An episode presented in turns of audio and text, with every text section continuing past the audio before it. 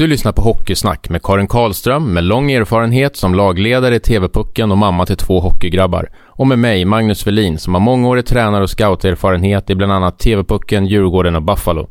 I den här podden snackar vi om hockey på ett annorlunda sätt med intressanta gäster och ämnen. Podden sponsras av Athletic Work.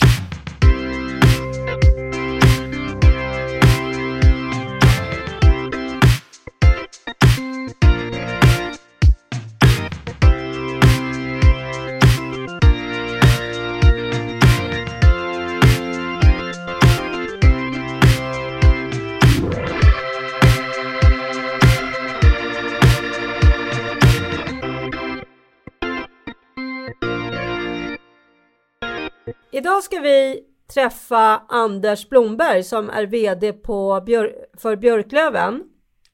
Och vi ska prata om ett väldigt, väldigt viktigt ämne och det är det som med folkmun, folkmun kallas CSR faktiskt. Och det innebär ju att företag tar ett socialt ansvar.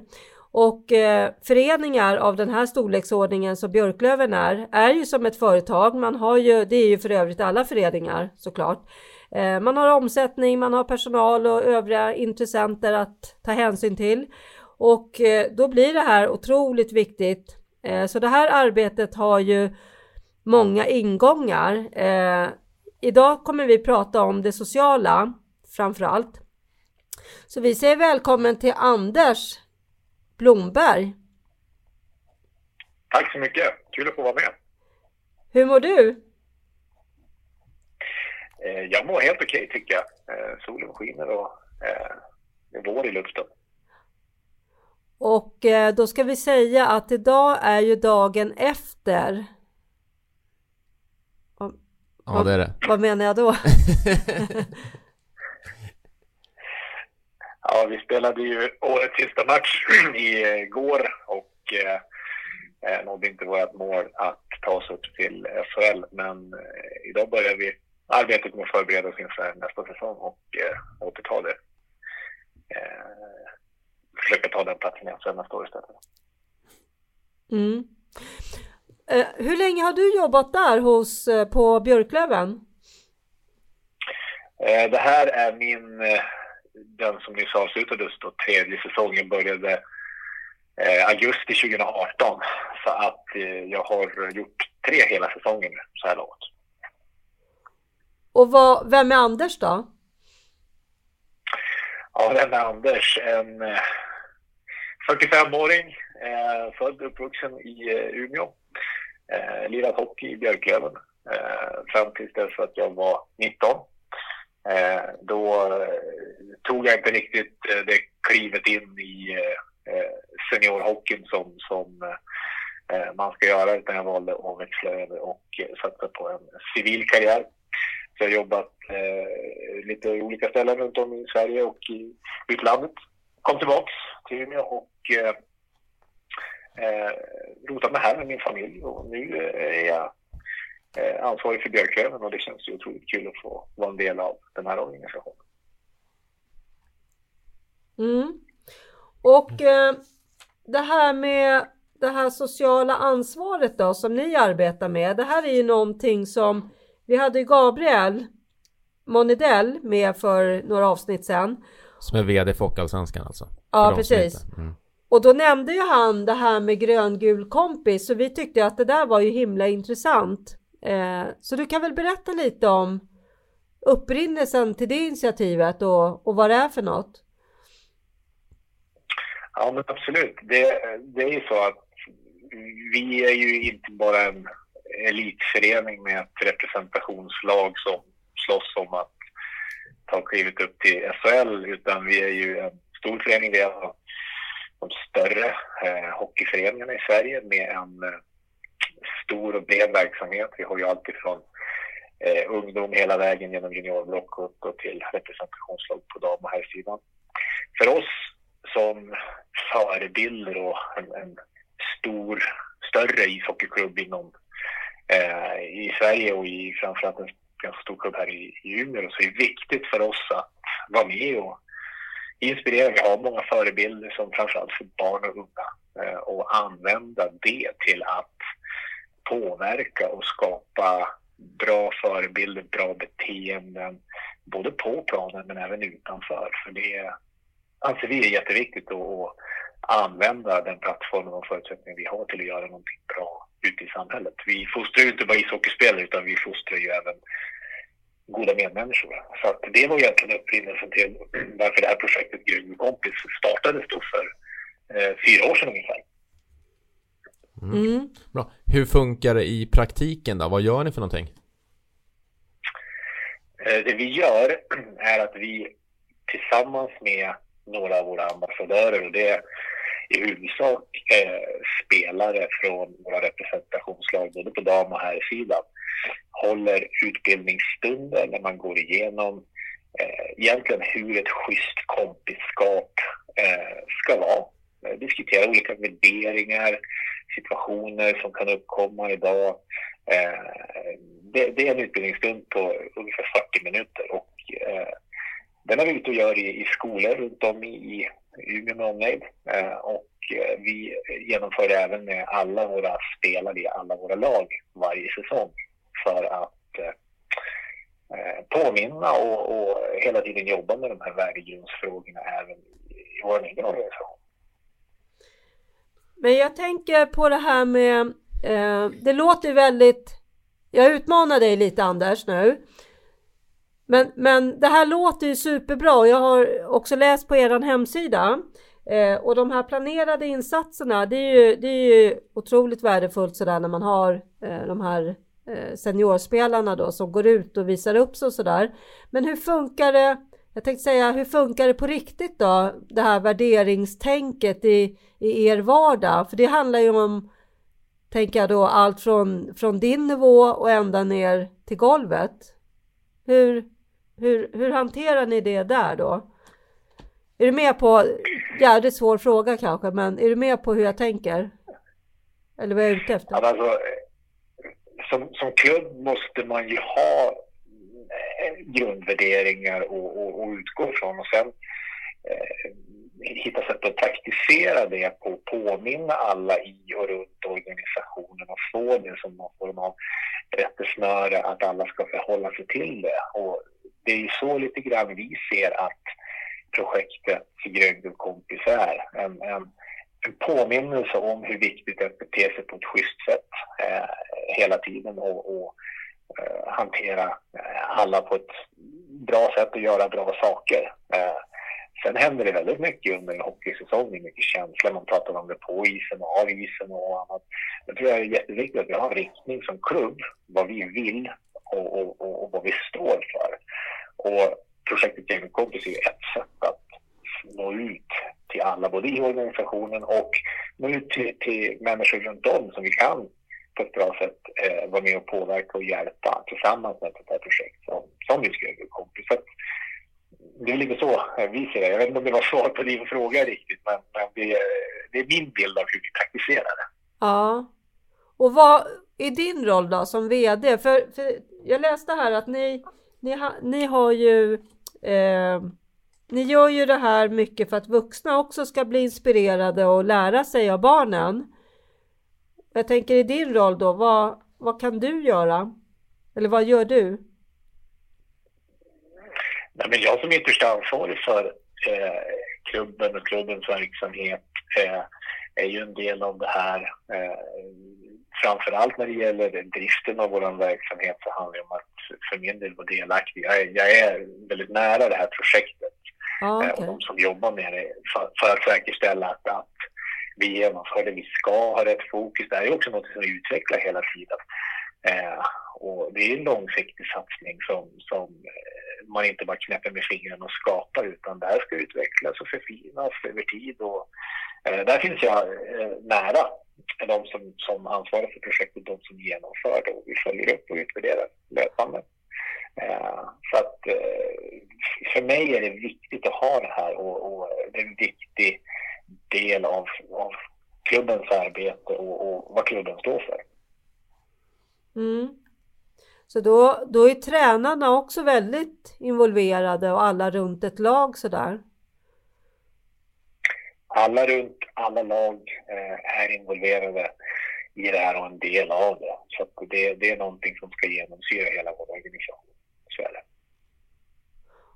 Och vad, eh, jag tänker på supportrar och sponsorer och sådär. Hur tar, hur tar de det här till sig? Vi har ju inte haft riktade insatser mot eh, supportrar. Eh, det, det, har mottagits på ett positivt sätt. Man är ju väldigt positiv till att man gör den här typen av, av arbete. Eh, det har ju fått mer och mer uppmärksamhet och, och får ju mer och mer tonvikt i samhället generellt idag. Eh, och jag anser att vi idrottsklubbar som engagerar sig himla mycket, det är det någonstans hela våran Affärsmodellen man får använda det uttrycket, bygger på att vi engagerar det så otroligt många människor som bryr sig om det vi gör. Och då kan vi vända det till, eller använda det ska jag säga, till, en, till någonting eh, att påverka i positiv riktning kopplat till beteenden och annat. Eh, så att eh, väldigt många företag och supporters tycker att det här är ett bra initiativ och, och ett bra sätt för oss som ishockeyklubb att, att påverka utanför, utanför rinken. Det bra är många supportrar är ju också antagligen föräldrar till, till många barn som får vara med, som får träffa era spelare ute i skolorna. Så att de blir ju, jag kan tänka mig att det borde, det sprids sig ganska snabbt och väl kanske i stan vad ni faktiskt gör. Men det är den effekten man vill uppnå, att, att nå ut till många och med tanke på att vi, vi har många som, som ser upp till, till de här eh, ambassadörerna och profilerna och, och, vi som klubb engagerar väldigt många så blir det ju ringa på vattnet. Effekt och det är, det är det man, mm. man vill uppnå eh, i det här. För att skapa eh, bra värderingar och goda förebilder. Och idag i samhället så eh, så med tekniska hjälpmedel, tänker på sociala medier och annat och det kan bli, det kan bli eh, spridas negativa toner och det är viktigt att tidigt hantera det här och, och, och förklara på vad effekter kan bli och hur, hur, eh, hur man kanske bör tänka efter före innan man gör vissa saker. Så mm. att, eh, vi tycker det är viktigt och, och det är någonting som vi vill fortsätta och kommer fortsätta med. För eh, det här arbetet tar liksom inte slut bara för att man har ett sånt här projekt. Vi vill inspirera fler att, att, att jobba i den här riktningen också. Mm, bra. Jag tänker på um, det här med mätbarhet och så. Eh, för det är ju väldigt svårt att mäta sådana här saker eftersom man gör det över tid och så. Men har ni, när ni startade det här, fanns det något liksom, nej det här måste vi sätta stopp för så nu, nu går vi in helhjärtat i ett sånt här initiativ? Ja, vi hade ju alltså det, det, har ju alltid funnits, eh, och i alla organisationer, vi är en stor klubb, vi har ju 500 spelare och 100 ledare. Och den här typen av frågeställningar när vi jobbar med människor dyker ju alltid upp. Eh, hur, hur beter vi oss på planen, utanför planen? Så att någonstans började det ju inom våra klubb att vi ville skapa en, en en plattform och ett sätt att hantera det här med värdegrundsfrågor, hur vi ska bete oss och samla det under eh, ett namn. Och det blev ju Gröngull Komp, så det började ju egentligen inifrån för att eh, vi ville ta tag i de här frågorna och göra det på ett strukturerat sätt internt och sen då sprida det utanför med tanke på att vi, vi tycker det är viktigt att komma ut och, och, och just med det nätverk och, och de, det engagemang som, som, som finns runt oss och vår klubb och våra profiler eh, spridda utanför. Men det började in, internt och sen så har vi sett en potential att sprida utåt. Så att det är så vi har, har byggt det. Mm. Och gör ni det här tillsammans? Jobbar man så med, med sådana här saker och frågor med andra föreningar och hjälper varann? Eller kör man det här isolerat hos sig bara? Här i Umeå, vi, Umeå är ju en, en en väldigt fin idrottsstad. Eh, det finns eh, många elitlag i, i en rad olika sporter. Vi, vi spelar ju hockey och Hockeyallsvenskan och vi har ju eh, lag i, i, flera lag i högsta ligan i innebandy till exempel. Basket i högsta ligan dam och här. Eh, fotbollen har varit eh, på topp i, i, många år här, både på dam eller på topp. Men damerna har ju varit i allsvenskan förra året och herrarna i Superettan. Så att det finns mycket idrott. Vi är duktiga tycker jag på att, att hjälpas åt och eh, ge varandra eh, ja, best practice och, och dela med oss av erfarenheter. Och det, är ett, det är ett bra klimat och en väldigt bra relation mellan elitidrottsklubbar i Umeå. Det är min bild av det. Så att, eh, jag har haft träffar och, och, och snack med andra ansvariga för andra klubbar. Så jag att vi har inte ett gemensamt projekt, men vi, vi har ju gemensamt ansvar för de här frågorna. Och det tycker jag vi hanterar på ett, på ett bra sätt i Umeå. Mm. Det är bra. Det är ju Gus, som du säger så är ju Umeå en riktig idrottsstad och där har ju verkligen ni tillsammans en ja, ni har mycket att komma med liksom och bidra med. Så det är ju, ja, det är härligt. Ja, det är ju liksom en stor ja, faktor. Det, det, är ju tillsammans eh, blir man ju en starkare kraft. Mm. Eh, och det tycker jag att vi rör oss, idrottsklubbarna i Umeå rör oss i den riktningen. Sen, sen har ju alla sina egna utmaningar i sina egna branscher. Va?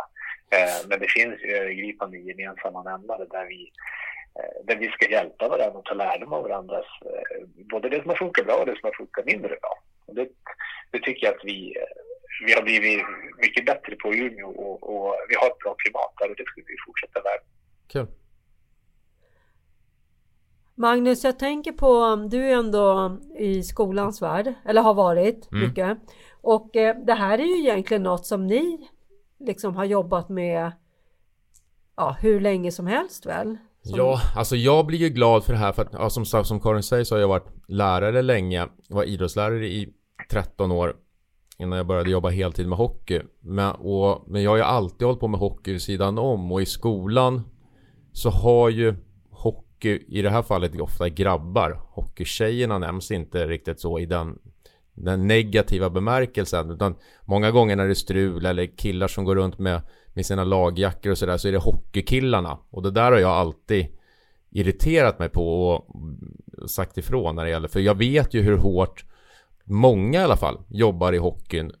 Eh, tillsammans då såklart med, med lärare i skolan också. Men att fostra barn och ungdomar på ett bra sätt. Sen är det ju det går inte att komma från eller har varit eller fortfarande är en jargong i omklädningsrum och sådär som med tiden långsamt kanske men ändå har blivit bättre men där det fortfarande finns saker att göra.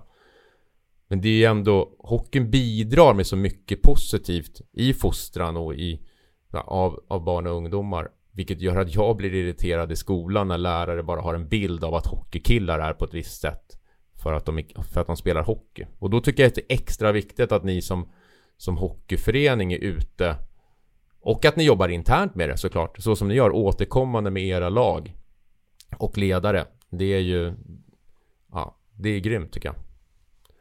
Kan skynda på utvecklingen ännu mer. Ja, men jag håller med med, med den, den, bild du målar upp. Att, att, och jag tänker att hockey är ju en idrott och en sport som engagerar väldigt mycket mm. i en arena, på en match.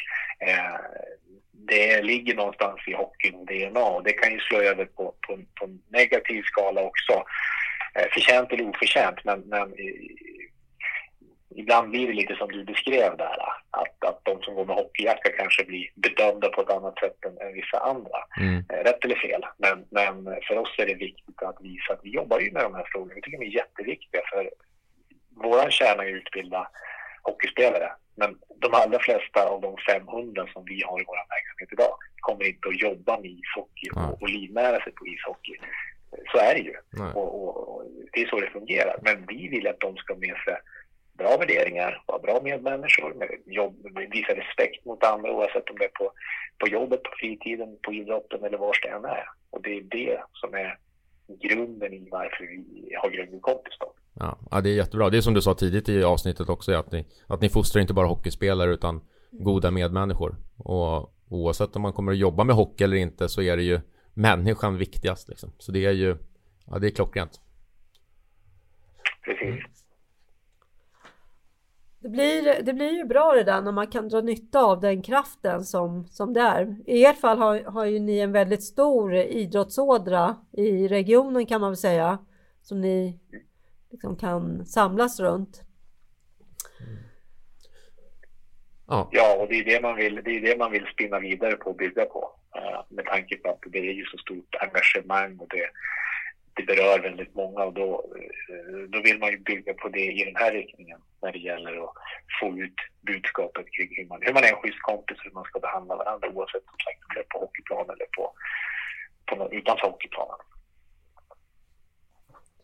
Vad, har, vad, har ni, vad har ni mer då för, för projekt och sådär som, ja, som kanske inte är inom ramen för det här, men har ni andra saker som, som kommer hända nu så här till sommaren eller? Tänkte du inom ramen för eh, CSR eller, eller eh, andra projekt? Eh, Nej, nu tänkte jag nog andra projekt sådär. För det är ju, det låter ju som, som det händer mycket hos er och att ni ligger rätt långt fram inom mycket.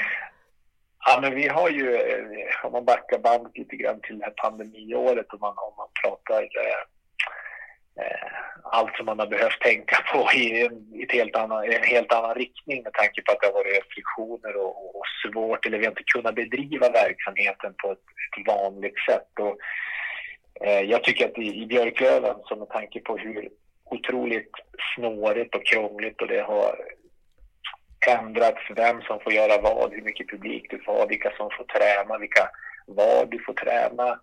Eh, där måste jag säga att hela den här klubben det sista året har verkligen tagit till sig möjligheten istället för att se problemen och kavlat upp ärmarna eh, och verkligen kämpat för att ta sig igenom på ett bra sätt. Och det handlar inte bara om representationslag och, och, och elitverksamheter utan jag tycker hela vägen ner till, till eh, knattenivå ungdomshockey, du ledare har hittat sätt att bedriva träning på ett smittsäkert sätt. Man har inte klagat för att man inte har fått nyttja omklädningsrum eller kunnat träna eller spela matcher eller cuper. Det är så otroligt mycket ändringar och eh, begränsningar det här året, men alla har verkligen hittat vägar fram. Eh, och det tycker jag tyder på ett väldigt starkt driv, en väldigt stor anpassningsförmåga och jag tror att det är jag är glad över att organisationen har responderat på det här sättet och jag tycker det är ett, styr, ett styrketecken för Björklöven som klubb att vi trots alla utmaningar har, har tagit oss an eh, den här säsongen på ett bra sätt. Och det ska vi bygga vidare på framåt. Och vi, vi har ju tagit fram en rad projekt som egentligen har tvingats ur coronapandemin här och eh, det ska vi, det ska vi fortsätta jobba med nu framåt. Här. Mm. Perfekt ju. Ja. Vi känner att vi börjar... Det är långt svar. Ja, men det är ju grymt ja. Nej, men det är jätte, jättebra. Det är kul att höra. Det är... Vi tänker att vi börjar kanske närma oss. Är det någonting som du, alltså slutet på den här delen av det här tvådelade avsnittet. Är det någonting som du känner, nu när du ändå har chansen, som du vill, som vi har missat lite grann och som du gärna vill, vill prata om? När det gäller den här grejen. Nej, jag, tänk, jag tänker att eh, nej, men Theo får upp det ganska bra och jag kan bara lägga till också eh, när det gäller eh, projekt på den frågan att eh, vi hade ju, vad ska man säga, vi, vi hade en rad mindre initiativ som, som inom, inom det här med socialt ansvar, att vi samverkade med lite olika organisationer. Men vi har så valt att vi kraftsamlar alla våra insatser under ett projekt och det blev Grön kompis. Så att vi verkligen eh, gör färre men värre insatser om man får uttrycka sig så. Mm, eh, mm. Istället för att vara ute och smådutta och, och göra små insatser lite varstans så gör man en större. Eh, och det är lite så vi, vi gärna vill jobba generellt sett i Björklöven. Att när vi gör saker ska vi, ska vi ha ambitionen att göra det riktigt bra. Ja, det är bra. Det är bättre att göra saker på riktigt och inte bara göra för att det ska ja, göras. Precis, liksom. mm. precis. Vi upplevde att det kanske blev lite halvduttande, inte för att det var dåligt så, men vi kanske inte fick riktigt den fulla effekten och tydligheten i varför vi gör vissa saker utan det blev lite spretigt och där, där har vi velat samla ihop det och, och ladda in allt under, under just det här projektet. Sen är det ju också som så det här året, vi hade uppföljning för någon vecka sedan med de ansvariga och eh, vi har ju inte fått komma ut och träffa människor eller barn och ungdomar i, i den omfattning vi vill på grund av pandemin. Mm. Men eh, där har man ställt om och, och, och nått ut till 25 skolor eh, digitalt, vilket tycker jag är helt fantastiskt. Eh, och det är ett tecken på det här med liksom att man hittar nya sätt och nya vägar. Och, eh, mottagarna, alltså klasserna i det här fallet, har ju, som lyckat, eh, har ju dessutom tyckt att det har funkat väldigt bra. Och det har funnits en efterfrågan trots att tiden har varit som det har varit. Så att, eh, pandemiåret har inte stoppat vår verksamhet när det gäller Gränby kompis, vilket glädjer mig enormt mycket. Nej, kul. Ja, det är ju och det är ju, det är ju ett sånt, vad ska jag säga, ett sånt ämne som är kanske ännu viktigare just under den här pressen som det har varit i och med pandemin. Så det är ju... Ja, men så, så, är det ju. Vi, vi har ju märkt om vi pratar liksom tongången, eh, nu pratar jag mera på, på eh, representationslagsnivå, att eh, tongången har varit ganska hätsk eh, vissa stunder och det är lite kanske ett uttryck för att man inte har fått skrika ut sin, sin frustration eller, eller sitt support, ta, ta del av sitt supportskap tillsammans i en arena utan det har kommit ut på andra sätt när man inte har fått möjligheten att gå till arenan. Så att, eh, jag tycker att det finns eh, all anledning att fortsätta jobba med de här frågorna på ett, på ett ännu mer aktivt sätt framåt. Mm. Anders, om eh, vi skulle börja avrunda, då brukar vi ställa en fråga till våra gäster. Och den är, den är så här. Om du fick önska ett ämne eller en person som du vill höra om i den här podden, vad skulle det kunna vara då? Eller vem skulle det kunna vara då? Ja, jag tänkte att eh, jag tycker det är intressant med eh, mediapaketeringen och eh, sättet man följer eh, hockeyn på eh, genom tvn så tycker jag att en, en spännande gäst skulle vara Lars Lindberg på Simor som jag tycker är en väldigt bra representant för hur, hur man har utvecklat och skapat en bra produkt kring eh, ja, Simons produkt i det här fallet. Då. Och det skulle vara intressant att höra hur han ser på, på, på läget med det och den fortsatta utvecklingen inom det här området. Det är en väldigt bra bevakning idag av ishockey på, på eh, i både högsta och, och nästa högsta ligan. Eh, så att det skulle jag gärna höra mer om. Mm. Mm, det tycker jag är ett kul tips. Det har inte kommit från någon annan och det är ju Det nämnde vi ju lite grann när vi pratade med med Gabriel Monedell, där vdn för Hockeyallsvenskan i ett tidigare avsnitt om att vad det faktiskt har Alltså Hockeyallsvenskan som produkt har ju verkligen fått grym hjälp utav Simor och, och det, det arbetet som de gör där. Så det är kul att höra om det och deras fortsatta såklart utveckling utav det. Ja, grymt bra. Ja, precis. Det är en viktig del av, av bevakningen av, av, av hockeyn idag och många som konsumerar hockeyn via, via det mediet. Så att eh, det skulle vara spännande. Mm. Ja, grymt bra. Snyggt Anders.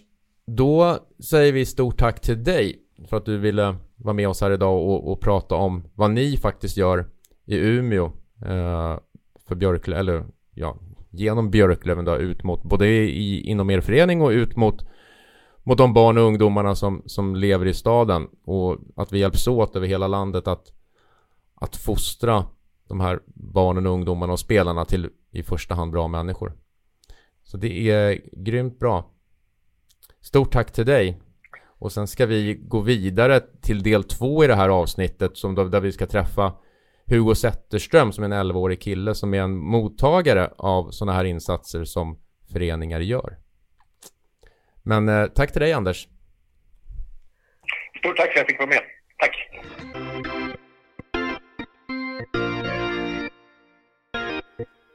När Magnus, och jag, när Magnus och jag fick höra om den här gästen som vi ska tala med idag, då kände vi båda två Wow, det här är ju superhäftigt. Vilken kille! Hugo, han är en liten kille men som ger otroligt mycket inspiration till många. Och vi kommer idag få höra om hans passion för sin idrott, ishockeyn. Eh, och trots vissa utmaningar i, i sin vardag så har han en enorm glöd som man blir så berörd och imponerad av. Och då kände vi båda två att det här är, den, här, den här historien som Hugo har, den vill vi dela med er lyssnare. Eh, så idag så ska vi säga välkommen till Hugo. Hej Hugo! Hej hej! Hur mår du? Eh, jag mår bra. Ja. Och det är en speciell dag också idag. Ska du berätta vad det är för dag? Mm, jag fyller 11 idag. Stort grattis till det. Tack. Om, om vi skulle ta och börja med det här med ishockeyn. Vad, vad kom, hur kom det sig att du valde den idrotten? Mm, från början var det att eh, jag tror det var att Kattis eller Ja, de, AIK frågade om jag ville gå på en match med några andra och så... Det var så det började tror jag. Och så kollade jag och sen var det så det började. Ja. Och då, då ska vi säga att eh, med i det här samtalet så har vi pappa Magnus och vi har Kattis från Ayabaya Cancer. Och eh, Magnus, du kan väl berätta, ge oss lite bakgrund. Ja, vi fick ju det tråkiga beskedet att Hugo är drabbad av en hjärntumör. Det fick vi våren 2014. Och eh, i maj genomgick Hugo en stor operation. Och i och med att han också är drabbad av skolios så var det en lång operation. 15 maj vill jag minnas att det var. Där det opererades in eh, två titanstag eh, längs Hugos ryggrad. Plus att de tog bort så mycket som de kunde av tumören då, som sitter uppe i, i nacken, i ryggmärgskanalen. Och där och då så var väl inte prognosen så god att Hugo vare sig skulle kunna cykla eller åka skridskor och liknande. Så det var en tuff eh, vår. Med väldigt mycket sjukhusbesök. Och sommaren spenderades hela den sommaren på sjukhus. Stort sett. Korta permissioner och få komma hem. Men eh, Hugo krigar på. Och jag vet att läkaren vid ett eh, skede sa att han förmodligen aldrig kommer lära sig att cykla. I och med balans och liknande. Men så småningom så tog vi faktiskt med oss cykeln in och Hugo cyklade i korridoren Mhm. på sjukhuset och visade läkaren att det kan jag visst. Mm. Härligt skönt som ett först, alltså bevis direkt egentligen då, så här att man, det här kommer jag visst att klara. Då kommer jag visst kunna åka skridskor, jag kommer kunna leka med de andra och, och göra det som andra gör liksom. Ja, exakt. Mm. Eh, Jag har alltid sagt, ställer man upp tio grabbar i Hugos ålder så kan man inte se att det är just i Hugo som är sjuk. inte. Nej, precis. Mm. Så han har kämpat på. Verkligen. Och nu Okej. åker han skridskor som aldrig förr. Mm. Man, man kan ju säga att det är inte det som du brukar prata om, väldigt mycket grit. Det är grit ja. Grit är vad vi, man brukar säga så här för jävlar anamma. Att Man, liksom, man ger inte upp när det går lite tungt eller så här. Någon som inte tror på en eller så här. Då visar man att jo, fan jag klarar visst det här. Att man liksom knyter näven. Så det kan man väl verkligen säga att du har Hugo. En jäkla massa grit. Jag tar den långt. Berätta Hugo, hur, eh, eh, var spelar du hockey någonstans? Mm, jag spelar i Norrtälje IK. Och eh, vilken position har du då? Mm, målvakt. Ja. Har du valt det eller var det en slump att det blev så eller? Mm, jag har alltid varit utespelare men inför den här säsongen så vill jag vara målvakt. Okej. När började du spela hockey då Hugo? Hur gammal var du då? Eh, när jag var sex år kanske. Så du har spelat i fyra fem år ungefär, någonting sånt där. Mm. Vad fick du? Tycker du, hur påverkar det som du är drabbad av, hur, hur påverkar det ditt hockeyspelande? Kan du alltid vara med eller är du borta ibland? Eller kan du vara med på allting? Eller hur funkar det? Det påverkar lite. Jag minns en träning den här säsongen. Jag stod och väntade på att en skulle komma in och skjuta och skicka jätteont i ryggen så jag ramlade ihop och Mhm. fick kliva av. Och så. Ja, så det förstår man att det kan vara så ju. Och det är ju med, du kan annars alltid oftast vara med på träningar och så, eller orkar du lite mindre, eller är det från dag till dag, eller är det... Jag Hur är det? kan oftast vara med Mm. Om du inte kan vara med, om det är en sån period, eller en sån träning. Gör du något annat då? Sådär så runt omkring laget? Hjälper till med andra saker på en match kanske om det...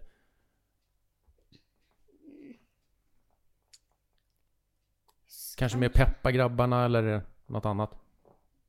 Ja, jag, i, i sådana fall brukar jag inte åka till Då är du inte där alls? Nej. Nej, men jag vill men det... Ja. Hemma och Ja. ta det lugnt. Ja. Mm. Annars älskar du att hänga där uppe på Mm. Sportcentrum.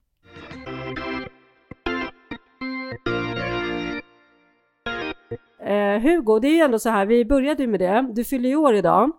Och eh, det är så här eh, att eh, Magnus har lyckats fixa en grej eh, som eh, han ska, ja Magnus du ska få berätta själv vad det är du har fixat Ja, så, med. här, så här är det Hugo, vi har ju varit inne på ditt rum också. Så vi har ju sett lite grann hur det ser ut på väggarna. Det är massa hockeyklubbor och det är massa tröjor med autografer och grejer och sådär. Och jag vet att du har en ännu större samling ute i garaget för att inte få plats med allting.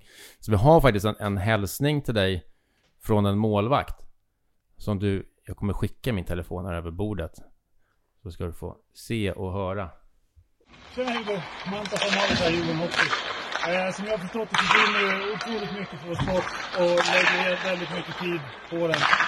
Eh, du är en förebild för väldigt många barn och ungdomar i din närhet. Eh, och det tycker jag du ska fortsätta vara. Eh, som sagt har jag fixat en klubba som jag har signerat och eh, den har Karin och Magnus där ni sitter. Fortsätt göra det du gör och brinn för det. Och så ses vi på en ny snart. Så Kul det, att- ja, trots att du, du är ju faktiskt aik Hugo, precis som jag egentligen. Fast jag jobb, om jag kan jobba för Djurgården, och fast jag är aik så kan ju du eh, kanske våga ha en, åtminstone i din samling, en, en Djurgårdsklubba också. så här har det Mantas Armalis senaste målvaktsklubba som han har spelat med. Med en liten autograf på.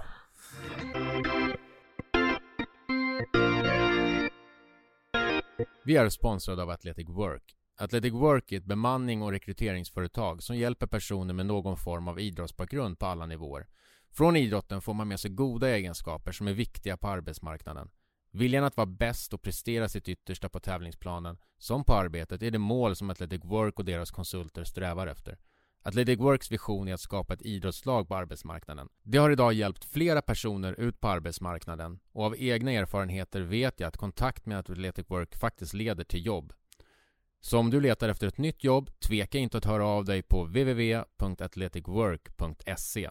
Tack Athletic Work!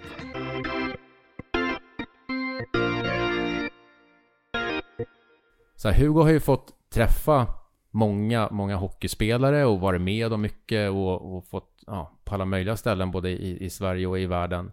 Uh, Magnus, hur, hur har den möjligheten eller de möjligheterna givits Hugo?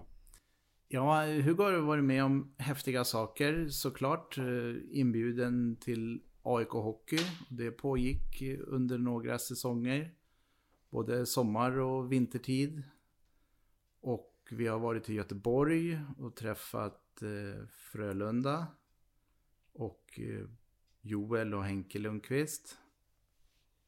Genom en eh, organisation från sociala medier började det väl. Som heter Ellas hjältar. Ska jag nämna det?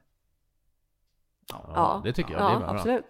Eh, En organisation, Ellas hjältar, som eh, startade en, en insamling. eh, Där slutmålet var väl var att eh, Hugo skulle få komma över till eh, New York med sin familj. Men det började med att vi vart eh, nedbjudna till Göteborg. Hela familjen. Och Hugo fick träffa sina största idoler. Henrik och Joel Lundqvist. Och där fick vi se en träning i Frölundaborg. Och eh, efter träningen så vart det personligt träff med Henrik och Joel. Där Henrik berättar att eh, vi som familj får komma över till New York. Och se en match och träffa Henke efter matchen. Och det var ju såklart en riktig upplevelse. Men, men vad häftigt Hugo, hur, hur var det då, att träffa Lundqvist? Oj, det, där var, Det var det, där var klubba. klubban. Och golvet.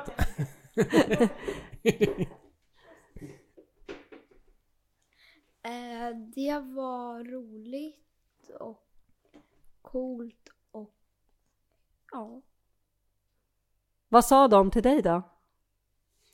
eh, att jag fick eh, biljetter till en match i New York. Att kolla och komma ner i omklädningsrummet efter matchen.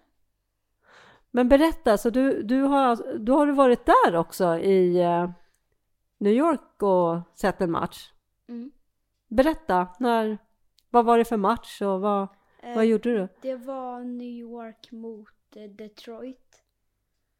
Eh, och sen efter matchen fick jag komma ner och träffa eh, Henke. Hur, hur var det med så mycket folk och Mm. Coolt och roligt och det här är ju något som Magnus skulle vilja göra. Jag vill också gå ner. ja. Magnus Ja, sitter här nu med stora ögon Ja. och Oj, tänk- avis. Får jag flika in där? Vi skulle ju åka i ja, månaden innan egentligen. Och eh, vi hade ju packat här och allting var klart med resa och hotell och allting. Väskorna var ju packade, stod i hallen här och eh, ja, vi skulle åka dagen efter helt enkelt. Då blir Hugo sämre, han blir sjuk helt enkelt. Och vi törs ju såklart inte ge oss iväg. Och Hugo bryter ihop totalt när vi efter sjukhusbesök får bekräftat att vi kan ju inte sätta oss på ett flygplan och flyga till New York. Så vi kommer hem hit och Hugo går och lägger sig och är så fruktansvärt ledsen att det inte blir någon eh, resa dagen efter. Så när Hugo har somnat då får vi packa upp väskorna och försöka städa bort alla spår som leder till att vi egentligen skulle åka till New York dagen efter. Och jag vet att jag åker och jobbar dagen efter och så plingar det till i telefon. Och då kommer det på Messenger en videohälsning från Henke som han har spelat in i New York. En personlig hälsning till Hugo där han berättar att det gör inget att ni inte kommer nu utan att vi tar det här längre fram när du känner dig piggare så ses vi i New York eh, när det än blir. Och när, jag trodde inte det var sant när jag fick den hälsningen. Och det, ja, den har jag kollat många gånger på. Det är riktigt fint Ah, gjort. grymt. mm. Att han ens tar sig tid och, Ja, och spelar in en hälsning och skickar till Hugo. verkligen. Ja, det var, det var riktigt häftigt. Men sen kom vi trots allt, eller trots allt, vi kom iväg dryga månaden senare ändå sen då. Nej, det var, det var riktigt fint gjort. Ja, Magnus, du har väl Henkes inspelning? Har inte du den på din telefon? Så får vi får alla höra hur det, vad Henke sa. Ja, absolut. Hej Hugo, Henke Lundqvist här. Jag hörde att eh, det blev lite strul med resan. Du blir kvar hemma just nu. Men det gör inget, du får kämpa på. Eh, må så mycket bättre, fokusera på det så löser vi det här när du mår bättre. Jag lovar dig, det kommer finnas biljetter till dig och din familj. Jag kommer se till så att ni kan komma ner till omklädningsrummet när ni är på plats, när det än blir. Alright? Så eh, många hälsningar från New York. Så eh, hoppas att du mår mycket bättre snart. Och så ses vi i New York. När det nu blir. Ha det så bra. Hej på dig. Ja, grymt ju. Ja, Det är coolt. det var fint gjort. Ja, verkligen.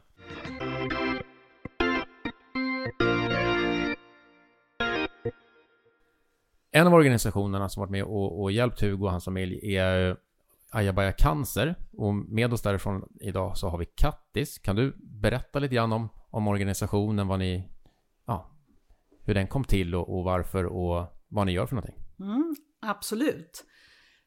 Eh, Ayabaya Cancer kom till två, våren 2018 och grundades av två mammor, Elinor och Tove, vars barn hade cancer. Och organisationens syfte är att underlätta vardagen för barnen och hela familjerna. Så vi jobbar liksom verkligen med att stötta familjerna eh, ett barn blir sjukt så påverkar det hela familjen, inte bara det sjuka barnet utan syskon och föräldrar. Och eh, alla runt omkring också. Och en av de saker som vi jobbar gärna och mycket med när vi försöker underlätta vardagen, det är förutom att stötta familjerna kanske med presentkort på mat eller hotellrum eller olika aktiviteter eller vad det nu kan vara för någonting, så är det kopplat till eh, idrott och fysisk rörelse. Vi vet ju att fysisk rörelse mår alla bra av. Eh, utifrån de förutsättningar som man klarar. Och därför så har det varit naturligt för oss att koppla in till exempel eh, ambassadörer som håller på med hockey. Och eh, ja, golf och olika saker.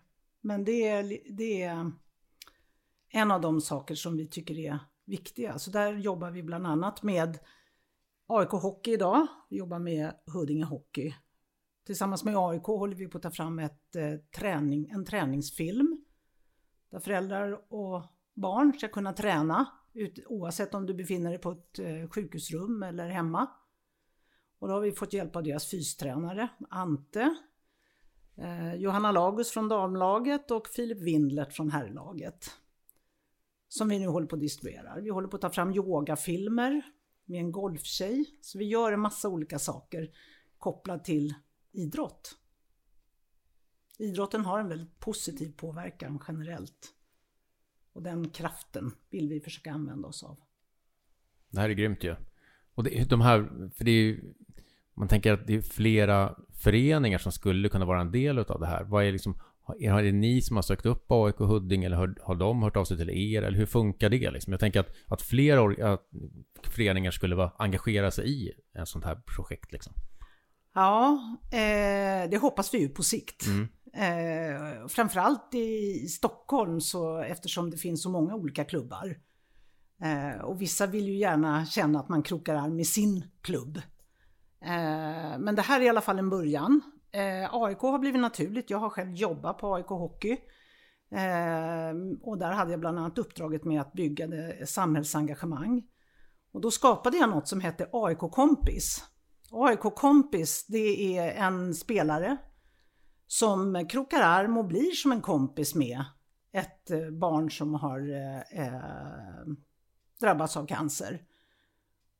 Och i det här fallet då så blev Hugo AIK-kompis med dåvarande kaptenen Christian Sampa Sandberg. Och det var fantastiskt att se. Eh, en glöd som byggde från båda, som jag såg det. Eller vad säger du Hugo? Mm. Ja, det... Ja, glöd från båda. Hur träffade du Christian första gången? Eh, det var i en intervju som jag fick göra i en eh, periodpaus på Hovet när AIK spelade mot Almtuna. Mm. Och sen, hade, har ni haft mer kontakt efter det eller vad? Har du träffat honom fler gånger? Ja, på... I omklädningsrummet efter typ varenda match när jag varit och kollat. Och eh, på sjukhuset och så har han kommit hem hit och fikat. Grymt. Har ni någon kontakt idag också nu när han är i HV71? Ja. Kul. Magnus, den här kontakten och relationen som, som Hugo och Christian har Eh, och har haft under några år. Skulle du kunna berätta lite mer kring den? Ja, det började ju som Hugo sa eh, vid första tillfället där Hugo i en periodpaus eh, fick intervjua Christian direkt efter perioden. Och det gick ju ut med både ljud och bild över hela hovet och fullt med publik. Och jag vet, Hugo fick ju stå på en stol och, och hålla upp mikrofonen för att de ens skulle vara i jämn höjd med varandra. Men eh, Hugo gjorde det jättebra, fick plugga på några frågor innan. Och jag vet att han, han rev nog av en fråga helt eh, som inte var planerad. Men eh, nej, det, det, det, var väl där och då det började kontakten med Christian. Sen pågick det där under några säsonger. Och det vart ju mer och mer kontakt. Vi sågs på Ritorp vet jag i maj månad tror jag. Vi gjorde ett reportage för det var väl AIKs tidning eller liknande. Så de, de har träffats en hel del, det har de gjort. Och skickat både sms och allt möjligt till varann. Och det här när... Vi har ju varit in otroligt många gånger på framförallt fredagkvällar då när AIK spelar på Hovet. I och med att vi har en bit att åka så föll det mest naturligt att åka in en fredagkväll. Och det vart väl Hugos och min lilla sysselsättning sådär start på helgen. Och åka in och kolla på en AIK-match. var på den tiden man fick gå på matcher, tänkte jag säga. och jag vet, Hugo träffade Christian både innan matchen och framförallt efter. Innan var väl lite mindre. Men eh, bra kontakt, pratade. Och fick eh, framförallt efter matchen eh, komma in. Och, och som jag sa, det där pågick ju under ganska så lång tid. Så Hugo han vart ju väldigt igenkänd på Hovet. Bland vakter och ledare mm. och mm. tränare. Så han, han var som en liten maskot där inne. Och fick ju komma in i omklädningsrummet och ja, var med överallt. Var inne och slipa skridskor. Och, ja, det var otroligt fint och ja, en härlig gemenskap där inne. Och kontakten med Christian växte än mer. Och jag vet att jag och Christian stämde av att Christian skulle komma till Karolinska och hälsa på Hugo. En lördag vet jag att det var. För när det väl gick upp för mig så såg jag att AIK hade bortamatch uppemot Timrå på fredagskvällen. Men Christian stod på sig att han eh, hade ju bestämt att vi vi skulle ses. Han ville träffa Hugo på sjukhuset. Och jag vet att AIK kom tillbaks till Hovet. De var där vid halv fyra eller någonting på, på lördag morgon. Och eh, Christian kom väl till oss vid tolv, halv ett någonting. Mm. Var med en stund, satt och pratade med Hugo. Hade presenter med sig vet jag. Och det vet jag att eh, det uppskattades av Hugo enormt mycket. Jättemycket. Det pratar han om än mm. idag. Och det här är ju några år sedan. Ja, det där är så jäkla stort alltså. Och vad fick ja. du då för något då? Eh, en AIK-mugg och eh, Hans, handskar, ja, handskar. Målvaktshandskar. Mm. Ja. Nej, det var otroligt fint gjort. Och jag vet att Hugo var, han var, inte, han var helt sängliggandes då. Han kunde inte upp och stå eller någonting och hade väldigt, väldigt ont. Det vart lite, det vart lite kalabalik där. Vi fick ringa på läkare för han hade mm. otroligt ont. Och, men nej, det, det vet jag att Hugo lever på än idag. Sen tror jag att om jag minns rätt så var det väl strax senare så bjöd vi hem Christian hem hit då spelar de tv-spel mot varandra. Så vi bjöd Christian på middag här. Eller Var det inte så coolt? Ja, det vet jag att den tiden, lilla om jag kan säga så, som de lägger ner, det betyder så otroligt mycket för ja, Hugo i det här ja. fallet. Då. Det ja, det förstår jag verkligen. Otroligt mycket. Magnus, jag tänker på det här med med eh, precis det du säger, små, väldigt små insatser egentligen som, som får en sån otrolig effekt. Vad, vad skulle du, eh, om du skulle ge något tips till andra föräldrar, vad skulle det vara? Är det, är det den här typen av insatser som är det som man eh, får som en bästa avlastning för, för familjen eller för, för Hugo eller vad? Ja, jag tror det kan nog...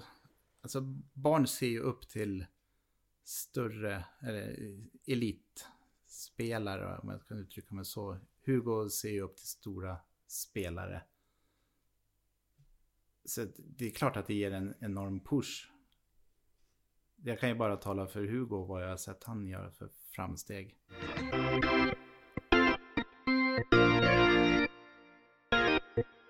Eh, Hugo, du som har träffat en massa hockeyspelare så har säkert fått en, en hel del tips av dem. Har, är det några av de tipsen som du skulle vilja så, tipsa vidare till alla som lyssnar?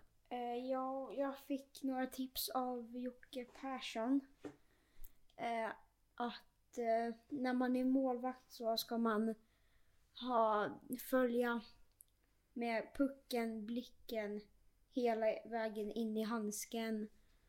Och sen stå stabilt och inte för brett men inte för smalt och så. Det är bra. Bra tips. Mm.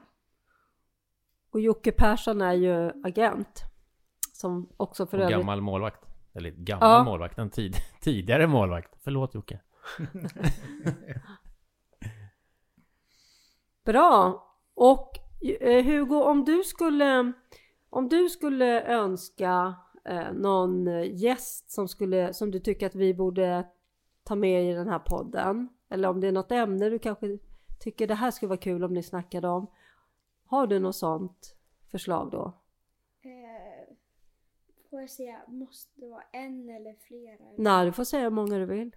Ja, eh, då har jag, jag tror det är fem eller fyra. Ja. Då är det Christian Sandberg, eh, Jesper Fredén, Jesper Bratt och Linus Lundin och Joakim Tellin.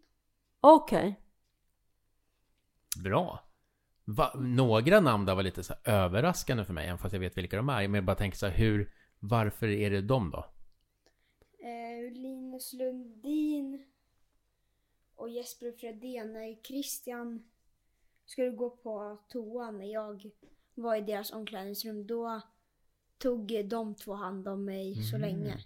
Så. Schyssta grabbar. Mm. Härligt. Det jag, tycker, det jag tycker vi verkligen får med oss eh, idag, det är, det är den här fantastiska, vad ska vi säga, samverkan mellan olika de olika delarna. Jag tänker dels då på det här Magnus som du berättar om, om Norrtälje och, och det, eh, jag vill nästan kalla det ansvaret som, som ni som förening tar. Att man jobbar med det här inkluderande, eh, även fast man inte kan eh, just nu kanske vara med och delta så får man ändå möjligheten att vara med så att man liksom hela tiden eh, har den här kontakten och gemenskapen intakt. Eh, otroligt viktigt. Eh, och sen också det här som Kattis berättar om med AjaBaja. Det är ju fantastiskt eh, att kunna bidra med ett sånt här avbrott i vardagen för familjer och eh, jag kan ju bara föreställa mig hur värdefullt det är just det här att man skapar ett utrymme och någonting att leva på eh, som du också har sagt Magnus, eh, någonting som man lever på väldigt länge. Det är ju fantastiskt och det är ju det är ju bara ett förtydligande där men, men ajabaja cancer eh, hjälper ju hela familjer och eh, Cancerfonden eh, har ju fokus på forskning.